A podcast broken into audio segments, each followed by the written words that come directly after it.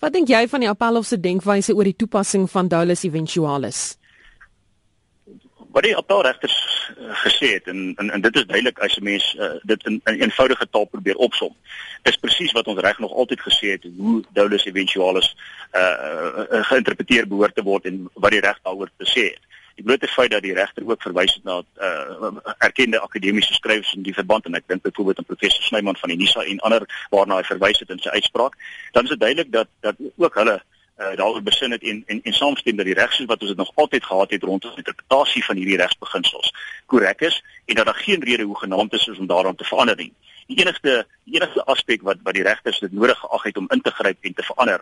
was die beginsels rondom wanneer en onder watter omstandighede die staat en persone toegelaat kan word om die hoogtehof van appel te nader. En dit wat het gelei met die tersydestelling van die destydse beslissing deur die dieselfde hof in die sogenaamde Sekwe saak ehm uh, wat ook 'n punt van debat was op 'n stadium uh, en wat vervang is dan uit die afsaak met vandag se uitspraak wat wat wat in, in essensie beteken dat die staat in sekere omstandighede geregtig is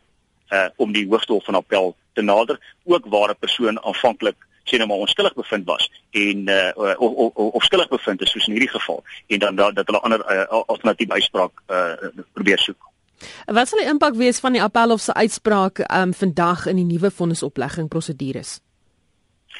Wat nou moet gebeur is natuurlik die saak gaan terugverwys word na regter Masipa toe. Sy moet herbesin oor die vonnis, maar hierdie keer natuurlik op 'n uh, skuldigbevinding aan moord. Sy het nie weer die reg uh soos van tevore uh, om op strafbare manslag 'n vonnis op te lê nie. Dit is tersyde gestel en vervang met 'n moorduitspraak. Wat dit beteken is sy moet nou die minimum wetgewing wat van toepassing vind in hierdie tipe van skuldigbevindings in ag neem, wat in praktiese terme beteken gevangenisstraf van tussen 15 en 20 jaar direk vir 'n eerste oortreder soos wat meer Pistorius inderdaad is. Uh en dan moet sy 'n jaar daarvan aftrek, min of meer die tydperk wat hy reeds gesit het. Dit was ook een van die instruksies wat regter Leach vra gegee het. Albenewens het sy die diskresie in haar eie prerogatief om natuurlik waar daar dwingende en wesenlike omstandighede bestaan, verder af te wyk van die minimum voorgeskrewe wetgewing en op die veronderstelling sy kan tot daardie gevolgtrekking kom op grond van getuienis wat dan voor haar geplaas sal word, kan sy miskien nog 'n 2 jaar of 3 jaar dalk uh ten gunste van hom uh, uh aftrek van daardie 15 jaar of 14 jaar dan wat beteken ons kyk na enigiets tussen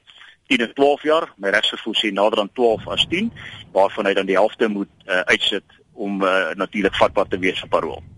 Kan die appel of uitsprake enigstens 'n negatiewe invloed hê op regter Tokozile Masipa se beeld? Wel, in in in, in normale omstandighede is dit is dit natuurlik nie aangenaam vir 'n regter om uh, uh oor die vingers getik te word en uh, tereggewys te word op op sy of haar interpretasie van die reg en uiteindelik uitsprake nie.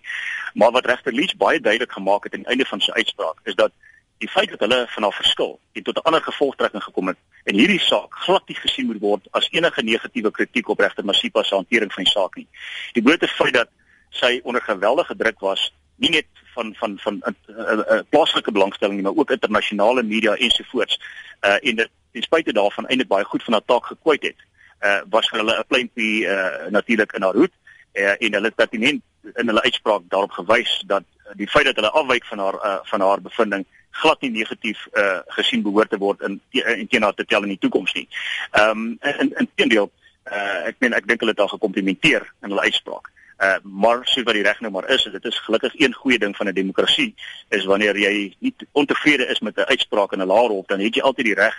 uh, en in in belang van geregtigheid en grondwetlike beginsels om 'n hoër gesag te nader en te vra vir herbesinning oor daardie uitspraak. En uh, dit is tog waarvoor ons appelprosedures het en die feit dat mense op appel van tyd tot tyd wen is juis aanduidend daarvan dat selfs ons regsgeleerdes en regters en landdroste van tyd tot tyd kan fouteer en baie maal fouteer. En dit is maar net deel van die stelsel. Uh, en, en ek dink dit is uh, in inteendeel die die die die, die, die wyse hoe dinge behoort plaas te vind